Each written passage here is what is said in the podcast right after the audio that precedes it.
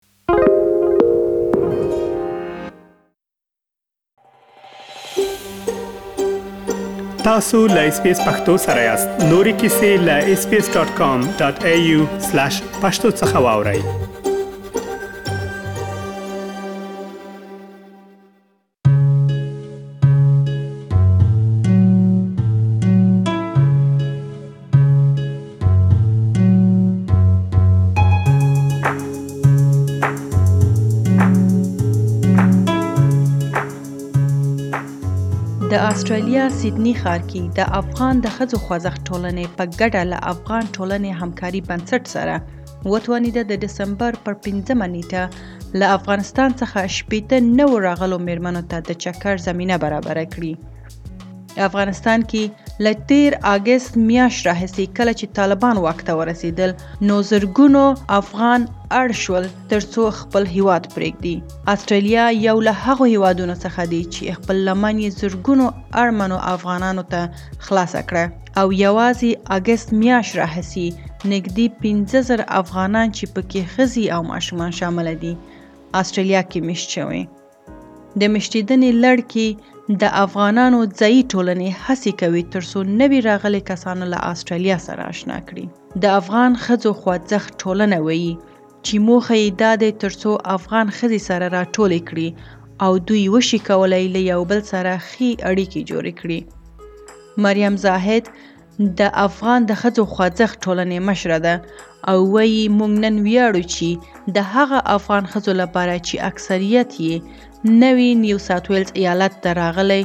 د چکر زمینه برابره کړو. دا هغې میرمنې دي چې د وروستي تحولاتو له وجه یوازې استرالیا ته راوستل شوی. اغلي وویل چې موږ خوشحاله یو د ښځو لپاره خدمتونه وړاندې کړو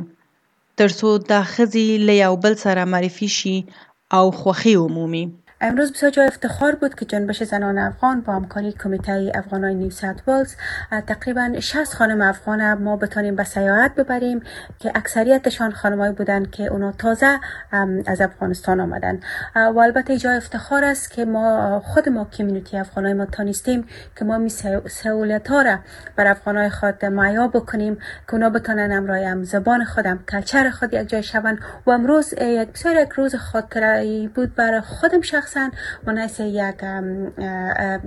یک شخصی که در رس یک ارگنایزیشن هستم و هدف ارگنایزیشن ما می بود که همراه خانما به تماس باشیم و بسیار خوشبخت هستم که ما میتونم یا ما میتونیم تیم ما میتونن که امرا با همکارای دیگه یک جای شویم و ما از این خانم استقبال کنیم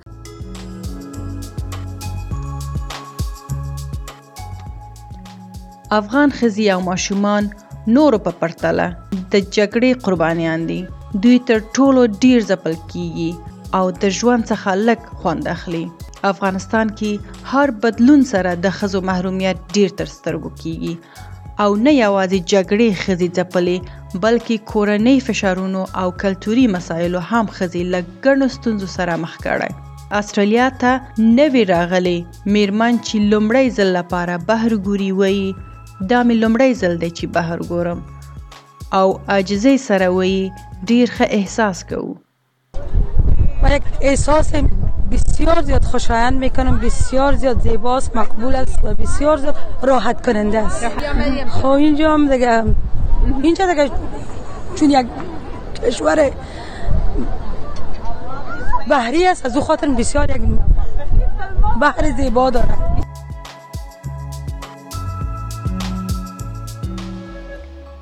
د اېس اېس آی دفتر اېس بي اېس پښتو ته رالېږل شوی لیک کې ویلي چې دوی دغو نوو راغلو ښځو ته روزول شوې ښځینه مدیرانې ګماري ترڅو وشي کولای له دوی سره اړینې مرستې وکړي او د دوی اړتیاوې ته په ځانګړي ډول لارښوونه وکړي.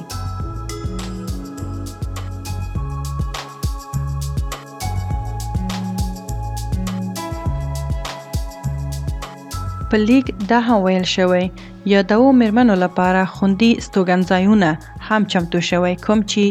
د عامې خدماتو ته نږدې دي.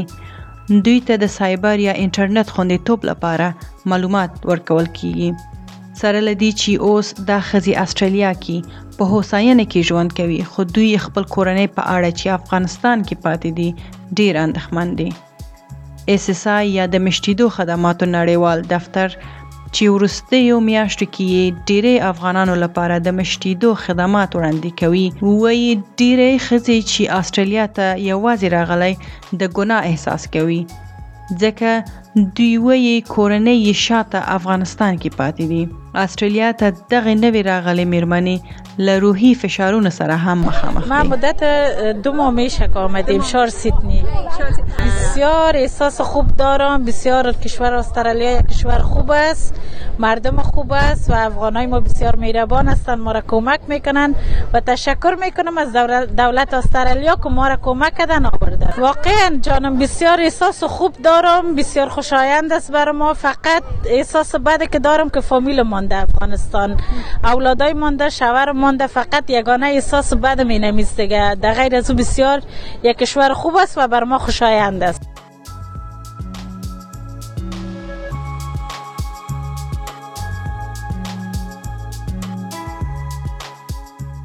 اس اس آی نور خدمتونو ترڅنګ هغه خزي چې د کورنۍ تاوتریخوال سره مخ شوې دي د سټارټس رواني روغتیا مرکز ته راجع کوي او که خزي ماشومان ولري نو د هغوی مشرولو لپاره ټول امکانات په نظر کې نیول کیږي چي د یاد دفتر په وینا دا خدمات له ځان سره ننګوني هم لري، ځکه چي دغو میرمنو سره د اړیکو او باور رامنځته کول ډیر وخت نیسي چي باید یوه ښځینه متخصصه په دوامداره توګه له دوی سره اړیکه وساتي تر څو چي باور تر منځه شي. بلخوا دا دفتر وایي ډیری نوي راغلي کسان ژبي ستونزي لري تر څو ورته خدمات وړاندې شي او دوی هڅه کوي تر څو کارکوونکي یې په څو ژبو خبرې وکړي چې خدمتونو رسولو پروسې ګړندې وساتي. دا دفتر د نویتاس انګلیسي او کمپیوتر کورسونو په مرسته سره د دې ښځو لپاره د انګلیسي او ډیجیټل زده کړې زمینه برابروي. افغانستان کې د انجونو تعلیم پر وړاندې خنډونه د ډیرو زړونو مات کړی ځکه په تیرو شلو کلونو کې تر ټولو ستره لاسته راوړنه د انجونو تعلیم ته مخه کول و ولی دا مهال لیسی زده کړې په ټپه دریدل او ښځو ته د کار زمینه نه برابریدل هغه څه دي چې میرمنې یې تر ټولو خپل ژوند او راتلونکي ته ستر ګواښ ګڼي. اسټرالیا ته نوې راغلې تنکۍ مدینه وایي،